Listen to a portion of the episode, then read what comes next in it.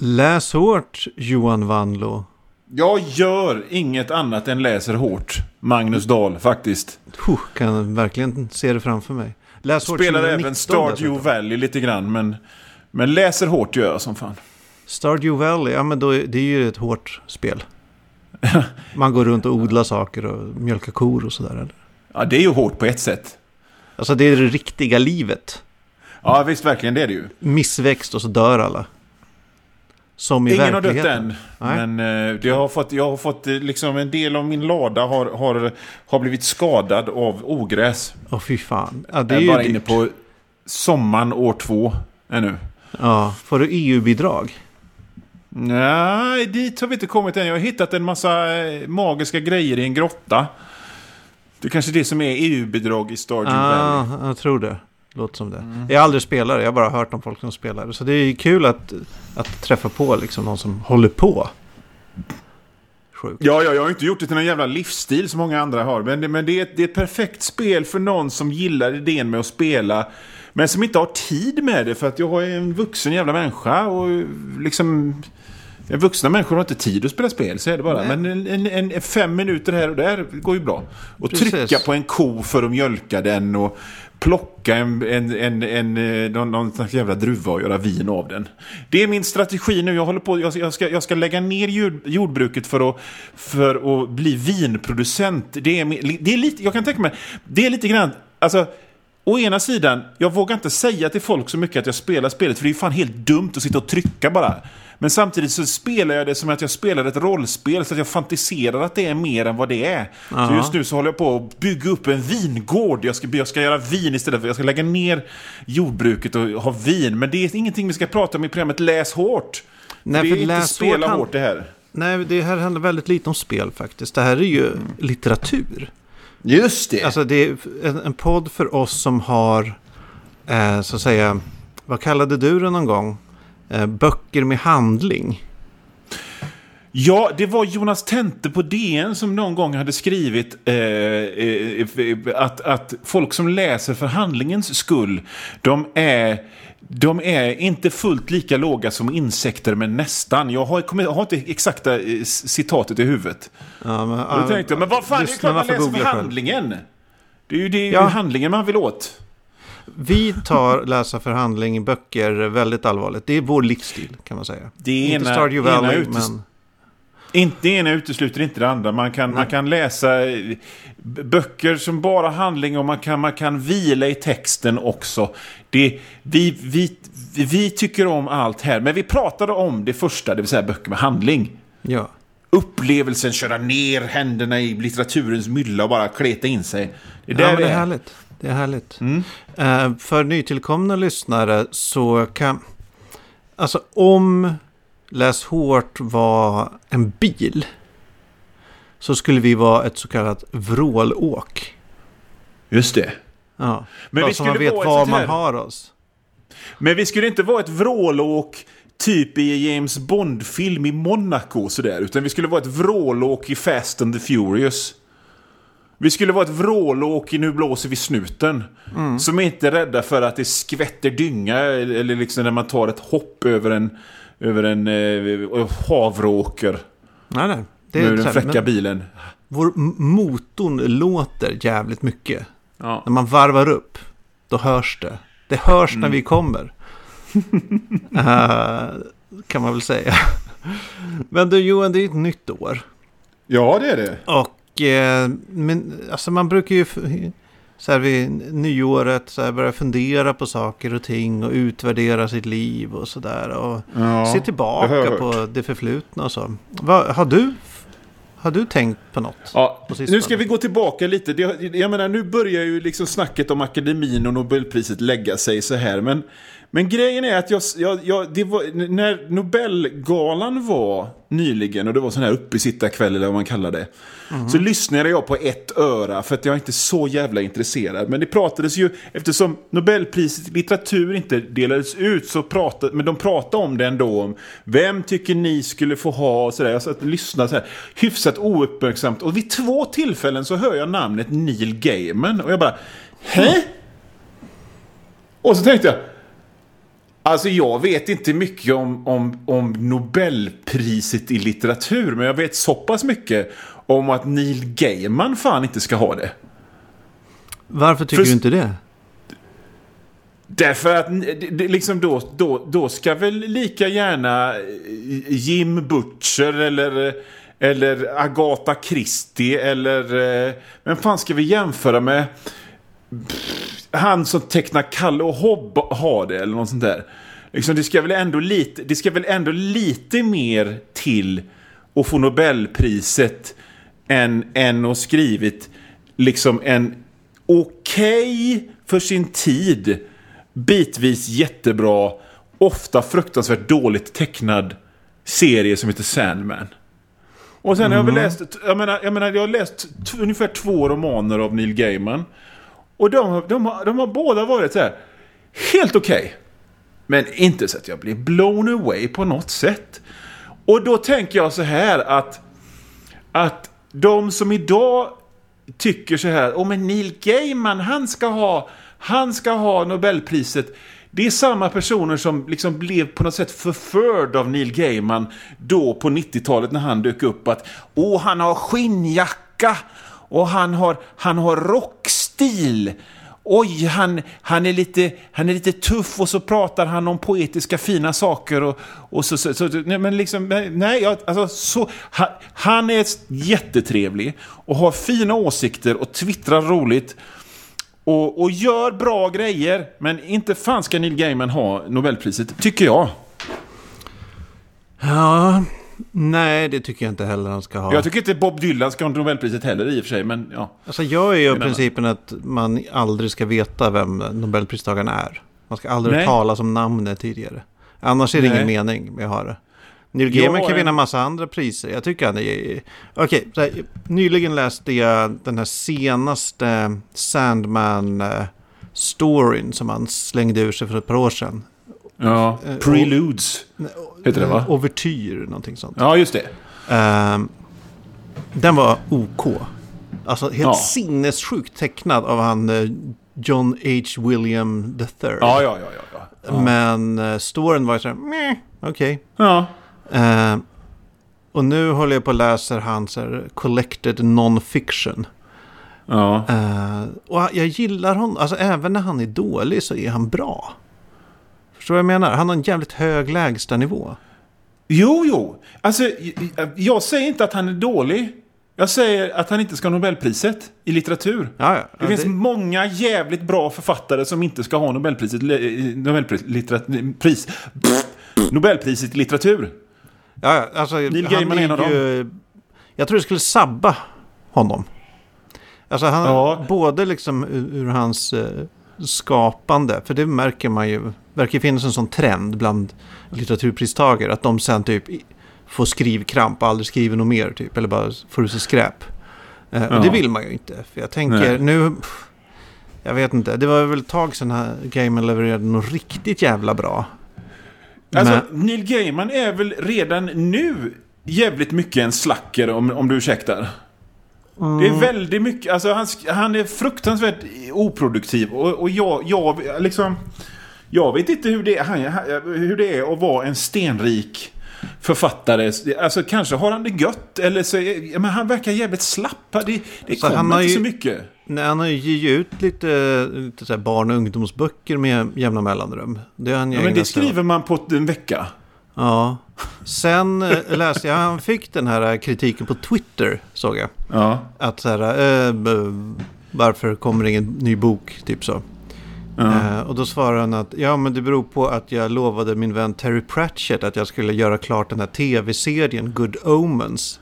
Som Ja, ja, eh, okej. vi skrev boken om och det har jag ägnat nu senaste två och en halv åren åt. Så. ja, ja. ja. Eh, så, eh, men nej, han är inte den mest superproduktiva. Det är han inte. Ja, Så då tänker jag liksom att om man får Nobelpriset då är det käppkört. Ja. Då, Då kan, kommer då kan man inget bara skriva eh, tweets som handlar om stöd den här kickstarten. Ja.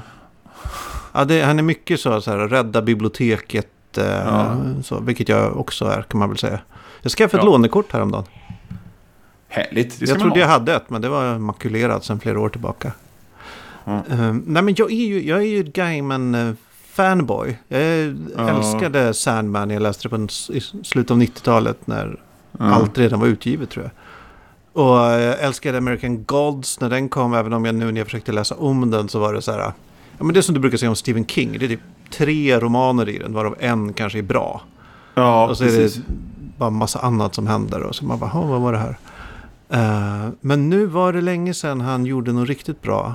Jag tycker, Ja. tapp, han tappade mig lite när han, han...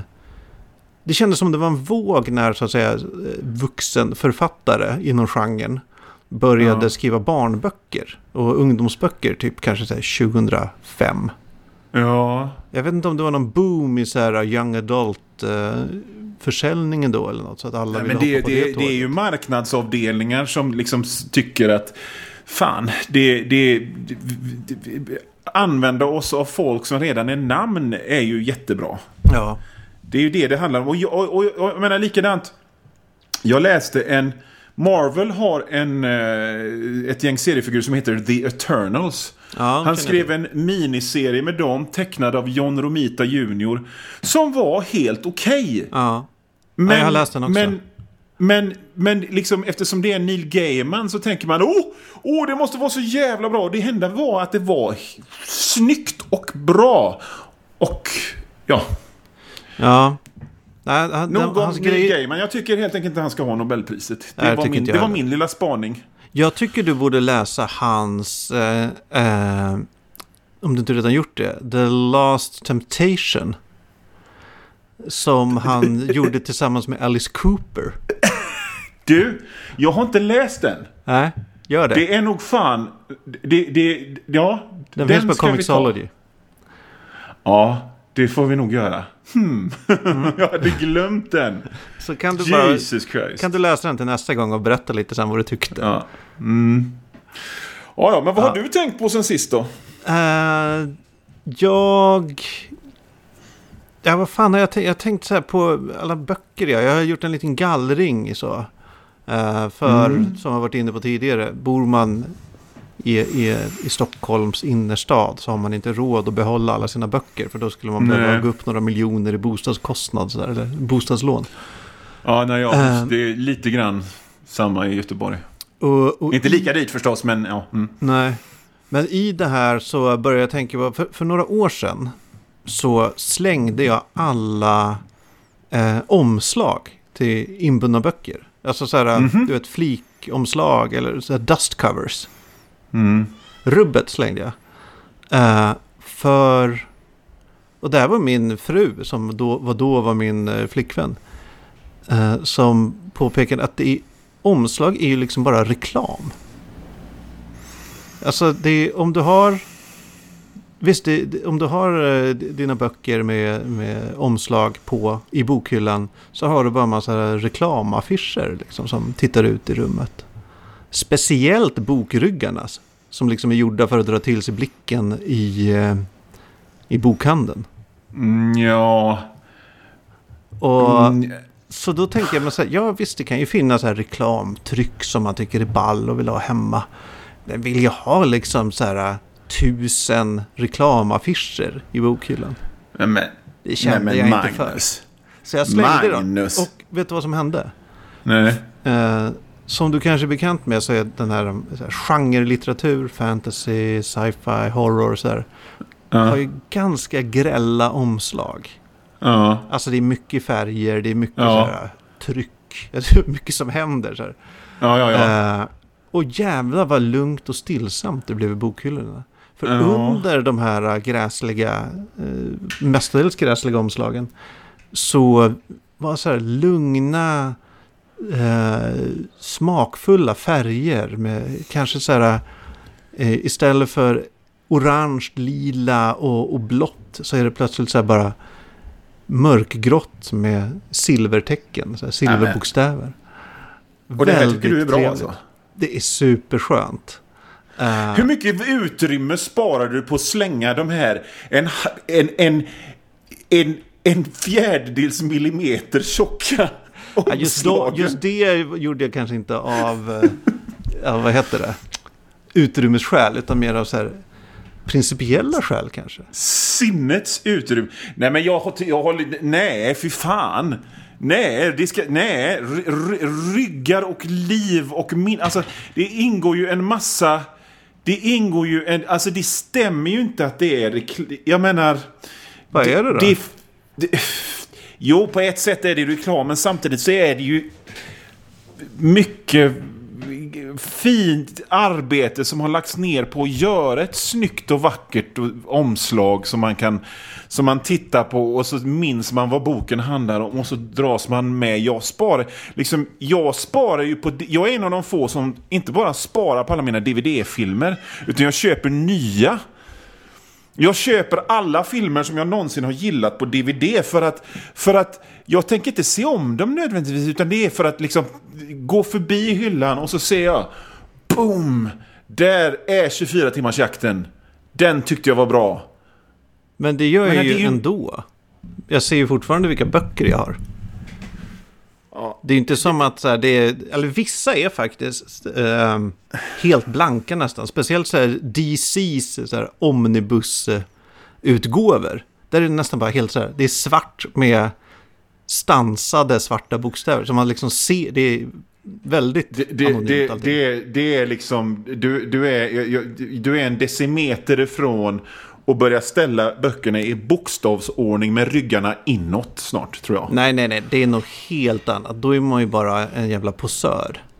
Det här är för, för att få liksom en sorts frid. En känsla av liksom att... Eh, mm. Ja, men skönhet. För vet du vad som men ofta jag... döljer sig under de här äh, puffomslagen med guldtext och det ena med det andra?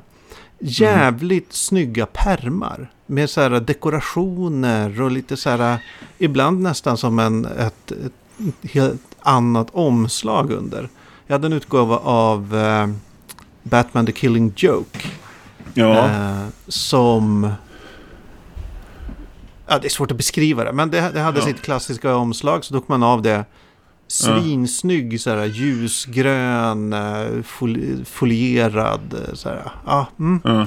Det, jag, jag, kan länka till de här. Jag har, jag har en jämförelse på min Instagram, så några år tillbaka. Så jag, kan... jag, jag känner bara liksom att den här friden du är ute efter, den känner jag när jag går in i ett rum och blir överväldigad av intryck ifrån omslagen.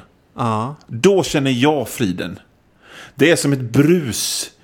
Men, men, men, men, för att återknyta till det du sa om, om utrymme. Jag löser ju detta med att inte ha utrymme eftersom jag bor i en storstads innerstad genom att helt enkelt inte ha så mycket böcker framme. Jag har alltså, i, i, i min bostad så har jag cirka kanske två och en halv meter böcker framme. Mm. Resten är i källaren eller på ett lager där jag har min lokal.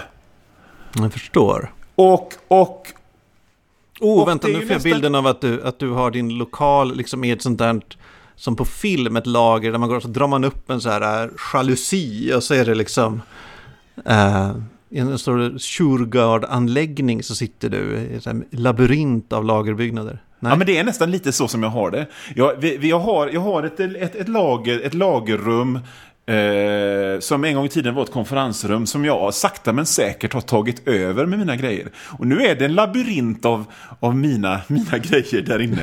Så bara, mm, där står de, där står mina mad pockets och där står, där är min kompletta samling av Terry och Piraterna och där. Men då, då, då, då, då Ja, men jag menar, det handlar också om att, att spara utrymme. Men det, det, ibland vill man bara gå dit och bli påmind om det. Men ja, nej, jag, eh, vi, vi har nog olika syn på vad, vad skönhet är. Mm. Jag kan ju också uppskatta stilrenhet och, och, vackra inredningar. Och jag kan ju förstå att, att liksom en, en, en David, liksom David Eddings pocketar inte hör hemma i ett, i ett vackert, vackert stilrent hem sådär. Men, jo, men det, alltså där nu tycker jag du, nu går du in på liksom författare. Det är, så tycker inte jag. Ja, Okej, okay, men, liksom... men, men vad fan ska jag säga då? Uh, vad fan, uh, Allan Dean Foster. på pocketar då. det är liksom silvrigt pufftryck. Eh, men, men nej, jag, jag känner friden när jag känner... När jag, men sen är jag knepig också. För att jag har ju, jag har, jag har ju berättat om hur jag på äldre dagar har blivit typ intresserad av alla tecknade serier som finns. Förr var jag normal och, och liksom gillade serier som, som, som tilltalade min smak. Nu tycker jag allt är bra för att det är serier. Så att, så att eh, jag kan inte... Åh, men någon har ju skrivit den där boken så att jag, den måste ju få... Någon har, någon har suttit och gnuggisat fram de här bokstäverna i snirklig fantasy-stil så att jag... Ja, jag vet inte. Ja. Ja, jag tycker ju omslag är... Uh, alltså det är en liten, att ha kvar det är lite att förolämpa den som formgivit permen som är under omslaget. Skulle jag säga. Uh, så, ja. ja uh, ska... det, är ju... det är ju helt befängt, Magnus! Det är ju... Nu menar du inte allvar. Det är ju helt befängt. Ska vi gå vidare innan det blir dålig stämning? Vi, vi, får, vi andas lite så kanske vi tar upp det här i ett senare avsnitt igen när känslorna har lagt sig. Vilken absurd tack. Det, ja, ja. Det, mm. Uh, innan, ja, den här boken, den här författaren, han är ju en förelämpning mot brevbäraren. Han som skrev den här 600 sidor tjocka. Nej, ja, nej, vi skiter i det nu. Skiter. Innan vi går vidare och eh, jag frågar dig vad du har läst på sistone. Mm. Så tänker ja. jag höra om du, du, du låter lite konstig. Ljudet i sprakare har sig. Ja, ditt ljud sprakare har sig också. Jaha, då är det väl bara dålig jävla uppkoppling helt enkelt. Ja, men det skulle jag tro. Det, det, jag tror det är Skype som... Eh, det ska ju inte påverka oss. Nej, det gör det inte. Du kanske får göra Bra. en liten snipp-snipp här. Men då frågar jag dig, Johan ja. Manlo.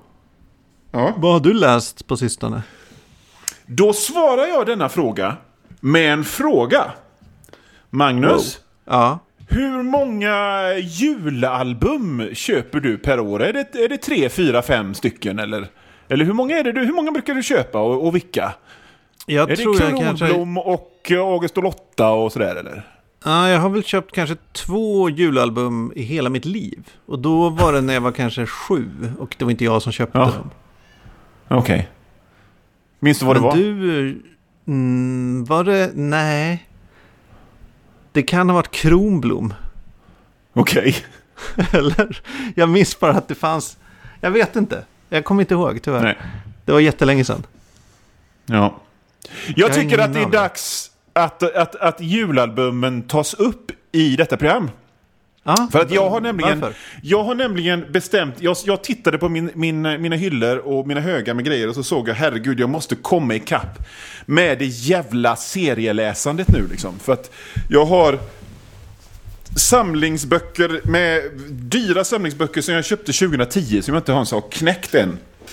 Så att, så att jag måste, så att jag har bara läst serier sen vi gjorde programmet sist. Wow. Och jag tänker bara läsa serier typ hela januari ut.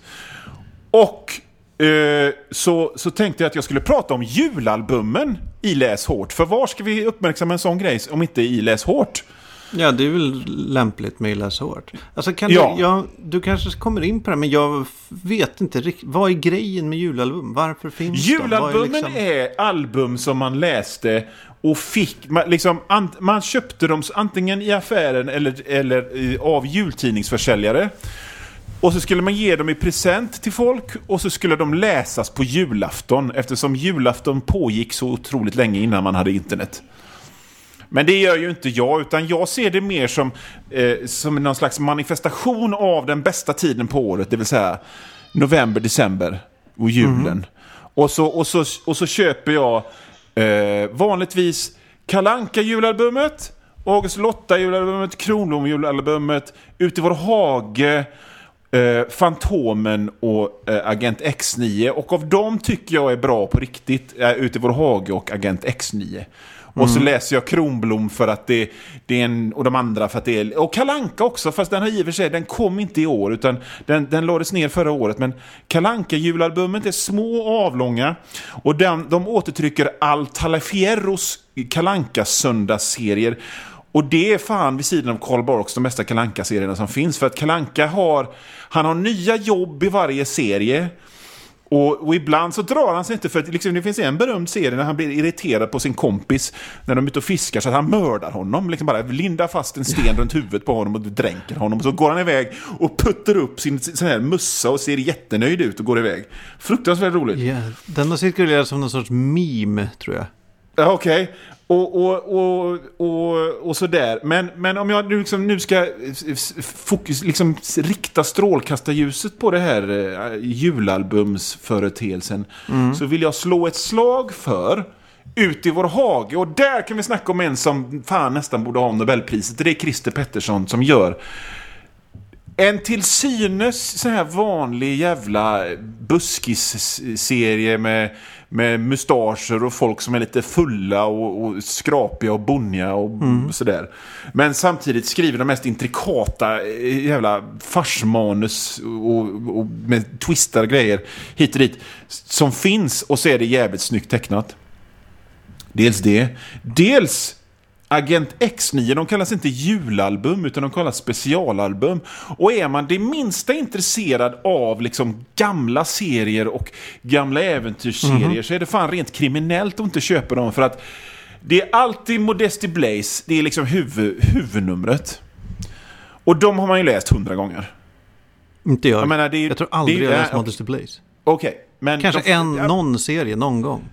Många har läst Modesty ja. Blaze flera gånger och, och, det är ju de första med den första tecknaren som är riktigt bra. Men de, de, de kom ju i en tid av James Bonds och Man från Uncles och liknande där, där den hörde hemma och passade. Men mm. det är ändå liksom en helt okej okay serie även med de andra tecknarna så här. Men det är liksom biserien i de här albumen som är huvudnumret. För att där plockar redaktörerna alltid fram bortglömda, undliga, jättebra grejer. I årets eh, specialalbum 2018, så, eller förra året, så har de två äventyr med Buzz Cooper. En fantastiskt, helt underbart tecknad komisk äventyrsserie. Eh, som, som, som, som, eh, som är med som biserie. Det, det är hur är man det minsta intresserad av gamla serier och men liksom har lite dragit öronen åt sig för att de här jävla samlingsvolymerna kostar 500 spänn så, så köp Agent X för det, det, det kureras och tas fram varje år och så är det faktaartiklar och grejer och det är bra grejer. Och, och sådär, så gillar jag dem. Och så Fantomen då också som jag Fantomen. tycker är... Det är så konstigt att Fantomen finns. Ja, jag tycker det är konstigt att den finns och jag tycker det är konstigt att den liksom inte blivit mer. Förstår du vad jag menar? I liksom superhjältarnas tidevarv som vi är i nu.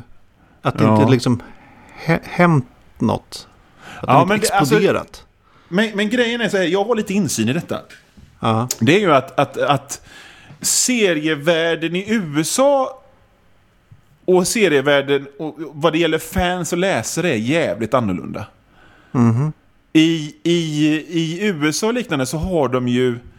Då, då förväntar sig folk att det ska förändras. Och det ska bli episkt och det ska bli större. I, i svenska seriefans har oftast läst serien sen, de har prenumererat sedan 70-talet och det är liksom snarare att de har byggt en mur och kapslat in allting. Och där ska allting vara samma hela tiden. Och så finns det små utstickare till, lite till förändring. Men det ska vara samma, samma, samma, samma, samma, samma, samma, samma, samma. Och, och, okay. och, och, och, jag tycker bara att det är så roligt att den här ytterst märkliga 30-tals pulpfiguren finns kvar. I Sverige! Av alla ställen. Av alla ställen. Och finns än idag och fortsätter komma ut och ökar enligt Orvesto. Hur? Alltså, jag tänker mig just eh, benägenheten att inte förändras. Borde ja. ju göra att väldigt få nya läsare tillkommer. Eller inte fånga upp nya generationer. Om det mm. liksom inte förändras med tiden, om du jag menar. Men, men, men jag kan bara säga så här att när jag var liten så tyckte jag inte om, om Fantomen. Jag tyckte det var tråkigt och det var för många rutor per sida och det var svartvitt. Mm. Och det var liksom inga coola repliker. Så jag, jag gick på Marvel direkt. Ja, samma Så jag tyckte alltid jag tyckte fant Fantomen var i samma liga som Buster. Men jag blev liksom, liksom bara lite sur när morsan köpte den till mig när jag var sjuk. Eh, och inte fattade att jag ville ha Fantastiska Fyran. Mm. Men då kommer vi tillbaka till det jag sa liksom att, att, att, att jag har börjat uppskatta precis allt. Så att jag, det var ju liksom för bara några år sedan, 2015, 2014, 2015, som jag insåg, men herregud. Vilken, vilken skatt det är ändå att vi kan gå ner till en pressbyrå eller en, en lokal mataffär och köpa sig en Fantomen med ett äventyr med Fantomen och så är det en, en fransk albumserie som, som, som biserie. Det måste, jag, det, jag, jag måste börja prenumerera på det där. Jag måste stödja detta, det måste få finnas kvar. Ja, det, det, det, det känns ju som att man gör någon sorts kulturgärning när man går och köper. Alltså dels när man går och köper en svensk serietidning, eller en serietidning på Ja. svenska överhuvudtaget. Ja, Eh, men just Fantomen är ju så här... eh, Nej, jag håller med. Jag föredrog Marvel, föredrog DC i den mån det fanns i Sverige när jag växte upp.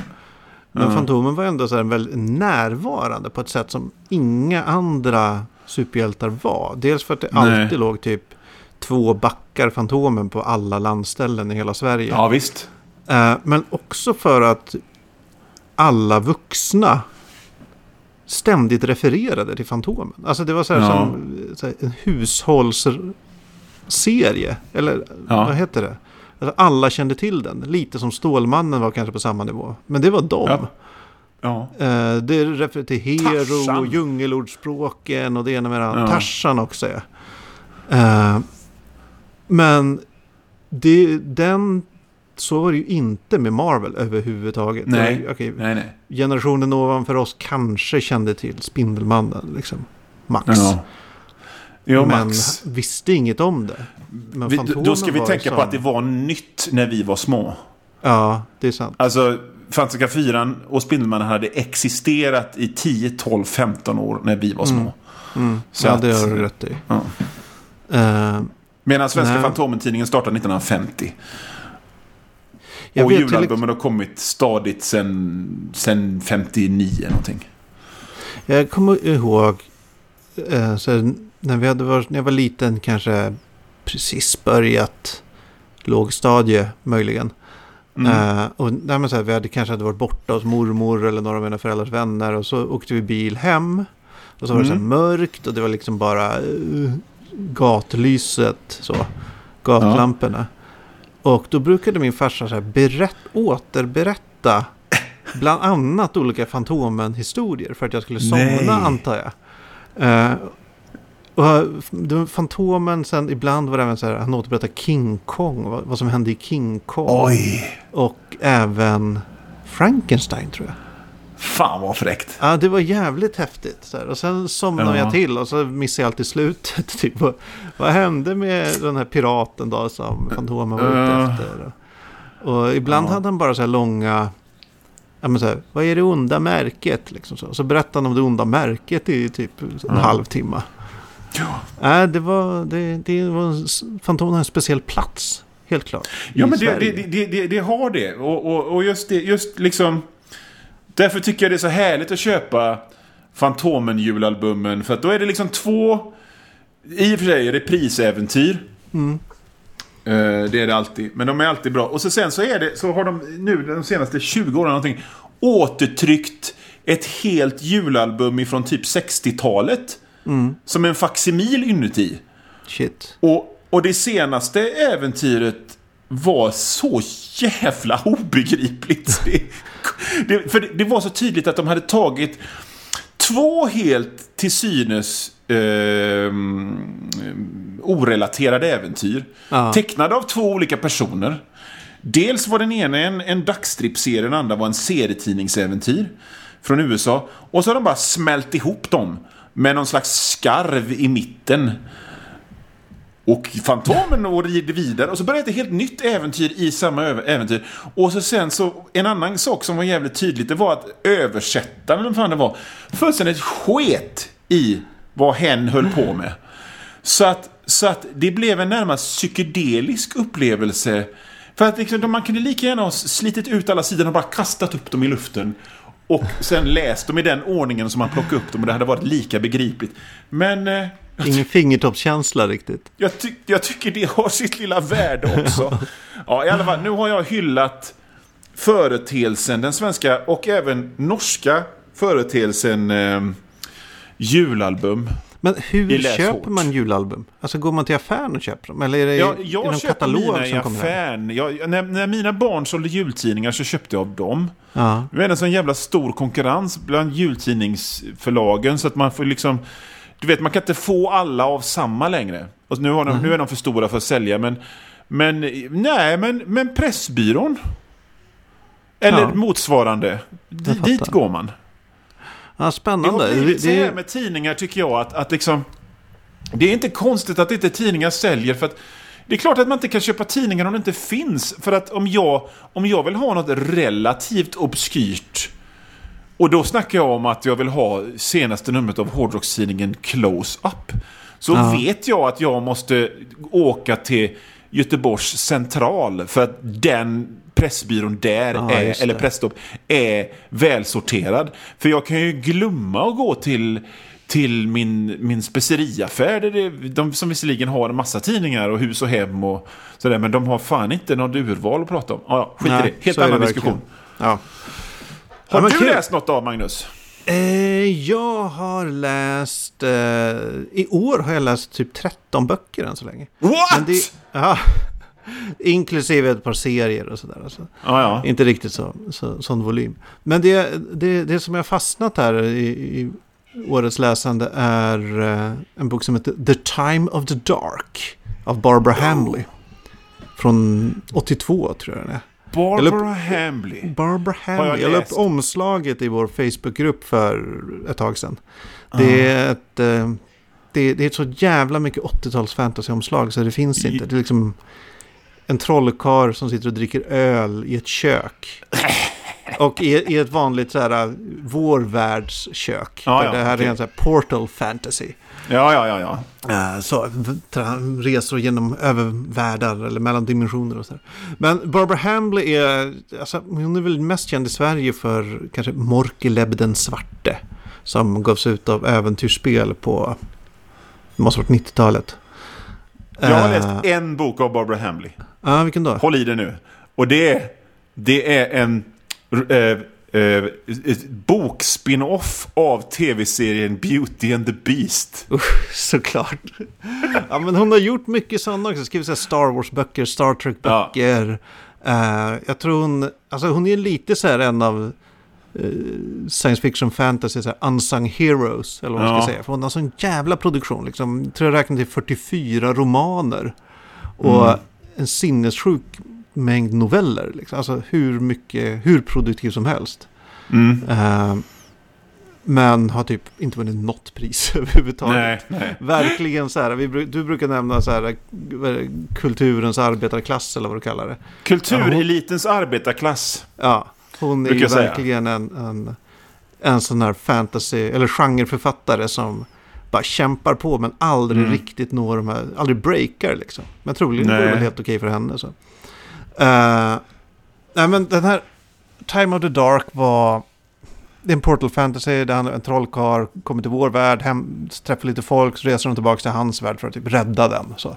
Ja. Ganska klassiskt. Och det var en uppfriskande avsaknad av Alltså så här, wink wink, jag fattar att du fattar att jag fattar att du fattar genrekonventionerna som så här många moderna fantasyförfattare sysslar med. Alltså som typ Ja. i all nutida fantasy nästan så här. Att det ska vara, man kan inte bara berätta en, en, en, en fantasy-rökare rakt av. Utan det ska alltid vara Nej. här. Jaha, hur- nu ser du, ser du här. Normalt brukar det vara så här det funkar med resor Ja. i fantasy. Ja, Men nu, hoho. Eh, Jag kan vara rätt kluven till sånt för att för att eh, ena stunden så är det bara tröttsamt och en annan gång så är det kul. Med sånt. Ja, verkligen. Alltså jag har vanligen inget emot det. Jag har bara nu på sistone läst tre stycken sådana wink-wink-böcker i ganska tät följd. Ja. Och de har varit svinbra. Men ibland känns det också att liksom, det är inte på riktigt. Om du Nej. fattar vad jag menar. Utan Nej. det är, det är mer en kommentar. Eller en sån replik till Ja. eh, andra böcker. Eller Men det är som- drift med dem. Det som, det som, som jag kan tycka det är med skräckfilmer och fantasyfilmer av idag. Ja, Att, det, att varenda jävel så, sån ska liksom, eh, om vi snackar då lite B, B-grejer, ska referensa 80-tals pudelhårdrocksfantasy på det där sättet. Liksom, Eller en liten nod a wink. Och det, liksom, men det, det, det urholkar hela grejen på något sätt. ja i alla fall riskerar att göra det om det inte tillför Ja. något nytt. Liksom. Eller det kan ju vara intressant med att en, en genrekonvention dissekeras eller Ja, ja. paroderas eller något sånt där. Men det får gärna liksom göras, inte bara vara ett lustmord, utan det får gärna Nej. bidra med något. Det får gärna kan- vara inbakat i en massa annat gött underhållning som står på sina egna ben. Precis. Tycker jag. Precis. Och där, eh, jag läste nyligen eh, T. Kingfisher som gjorde Ja. Clockwork Boys. Har kommit ut med en ny roman som utspelar sig i samma värld som heter Swordheart. Mm. Som var svinbra. Och den är liksom späckad med sådana här blinkningar och grejer och sådär. Eh, bland annat just angående resor. För i, Mm. Eh, i vanlig fantasy, bland annat i Time of the Dark, så är det så här, det, man, du vet, de rider jättelänge. Så här, Ja. De ska mellan olika städer och land, länder och det är så här, det gås och det hajkas och det är så här, eviga resor. Eh, vilket också är i eh, den här nya T. Kingfisher-boken som heter Swordheart. Men Mm. där är det att de reser längs samma lilla vägsnutt.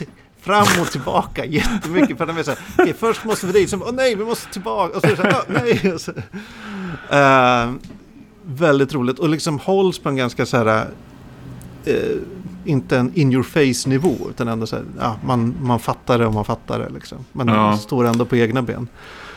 Eh, Time of the Dark, Barbara Hambley här, står väl inte riktigt på egna ben. Eller jag vet inte, alltså den var inte så bra. den var mer intressant just i Ja. hur det var så här, ingen ironi, ingen blinkning, ingen så här, nu ska, vi, ska jag visa att jag fattar att ni fattar. Ja. Så här. Eh, till och med saker som skulle kunna vara eh, alltså som skulle kunna användas för att så här, belysa konstigheter så här, i, Ja. i fantasygenren. Till exempel som att en av huvudpersonerna är en biker som jobbar med att airbrusha bilar. Äh. Så, här, eh, så och, och han då transporteras till en annan värld tillsammans Ja. med en kvinna som är doktorand i medeltidshistoria.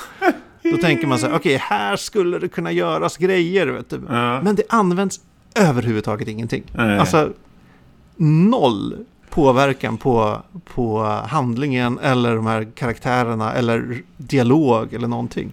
Det är så här, Men- det var helt bortkastade grejer. Då undrar man så här, va? va? Visst, det här, kan, det här är del ett av tre då inom trilogi, så det Ja. kanske kommer sen. Men det är ändå märkligt att, ja, att, att man bygger upp sådana här grejer som sen inte används överhuvudtaget. Ja. Jo. Eh, men är det men jag tror men, kanske... Förlåt, kör. Nej, men jag tänkte bara det här som du sa med att det inte... Att det inte nodden är winkas och det är ingen ironi. Är det inte det lite grann... Det, det pratas hela tiden om äkthet.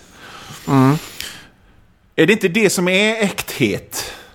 När det är på allvar liksom. Det, det, det, när, de här, när de här alverna och barbarkrigarkvinnorna har fluffigt 80-tals schampohår för att det har fantasy Amazon-kvinnor. Inte för att det är för att det, så var det italienska i fantasyfilmer på 80-talet. Utan det är äk, äkthet. Och att det, det i sig är uppfriskande. Ja, Vad jag, tror du? ja, jag tror nästan det. Alltså verkligen. För i vissa av de här Wink Wink-böckerna, bland annat en som heter Spiderlight som jag läste nyligen, som skrevs av någon Adrian Tchaikovsky kanske. Eh, där var det liksom nästan som att karaktärerna visste om vad de var med i för story. Alltså att de var så här medvetna om så här, ja, så här brukar det gå till. Ungefär så. Det var också Ja. en väldigt bra bok. Men det var mycket så här äh, utmejslat och tydligt. Så här, det här är en listig tjuv. Det här är den Ja, ja. lite korkade krigaren. Och, så här, alltså, Ja. man, och de liksom var nästan medvetna om själva att de var de här arketyperna. Mm. Eh, I Time of the Dark är det in- inget sånt alls. Alltså det, det sjuka är nästan att de, det är inga komplicerade karaktärer. Utan det är... Alltså det är så ovanligt att jag... Det är liksom, I Dussin Fantasy brukar ju karaktärer ofta ha kanske ett karaktärsdrag. Typ så här, Ja. man är en listig tjuv. Ja. Så, eller en, en eh, Modig krigare. stark krigare. Ja, men precis. Men här, jag kan inte nämna ett enda karaktärsdrag på någon av eh, de två huvudpersonerna. Alltså de är liksom helt...